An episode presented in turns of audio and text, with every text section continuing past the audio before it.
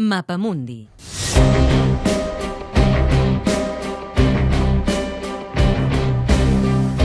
Друзья, мы вместе!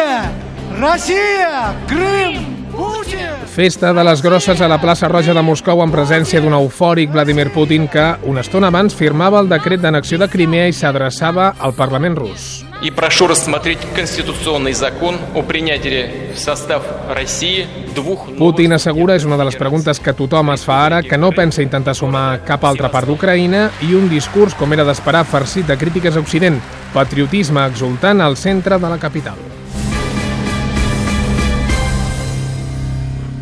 I cap allà anem, Moscou, Natàlia Boronat, molt bona tarda. Hola, bona tarda, David. Uh, per tant, exhibició de pàtria de Putin. Analitzem, interpretem una mica el discurs de Putin.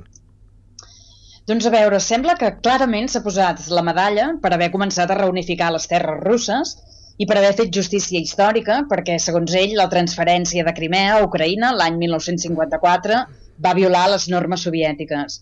El discurs ha estat com una declaració de principis del patriotisme rus en què ha alertat a Occident que la seva prepotència a l'àrea d'influència russa pot tenir conseqüències. Putin també voldria passar la història com el que ha fet reneixer el país de les cendres en què havia quedat després de la dissolució de la Unió Soviètica. Això ho ha donat a entendre quan ha condemnat que Occident sempre recona Rússia i ha dit que Moscou no podia tolerar més la ingerència a Ucraïna i per això ha defensat Crimea, que per Putin és una terra russa.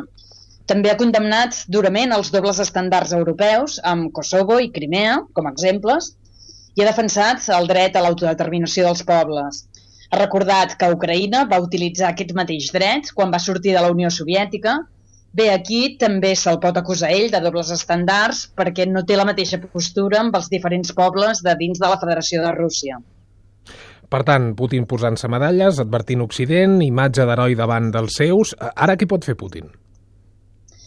Bé, doncs, enmig de tanta eufòria, queda una mica a l'aire quina és l'actitud que adoptarà el Kremlin a partir d'ara, sobretot a l'eix d'Ucraïna, com has comentat. Sembla que entès que ha perdut a la Maidan de Kiev i per això s'han accionat Crimea i Sebastòpol, però no queda clar si veu la derrota com a temporal o com a definitiva. Putin ha recordat la gran desgràcia que va representar pels russos, que va dividits en molts estats després de la desintegració de la Unió Soviètica, i ha assegurat que els continuarà defensant. També ha recordat els vincles històrics amb Ucraïna i que Kiev és la mare de les ciutats russes perquè és l'origen de la Rússia medieval i per això tot apunta que continuarà pressionant per no deixar que Ucraïna faci un gir definitiu cap a Occident. De fet, Moscou voldria aconseguir que Ucraïna fos un estat federal amb més poder per les regions que ara i també neutral, és a dir, que no pogués formar part de cap bloc militar i on la llengua russa fos la segona llengua oficial. Així és com voldrien que fos la nova Ucraïna. Molt bé, doncs anàlisi d'aquest discurs de Vladimir Putin, Natalia Boronat, des de Moscou. Moltes gràcies, bona tarda. Bona tarda.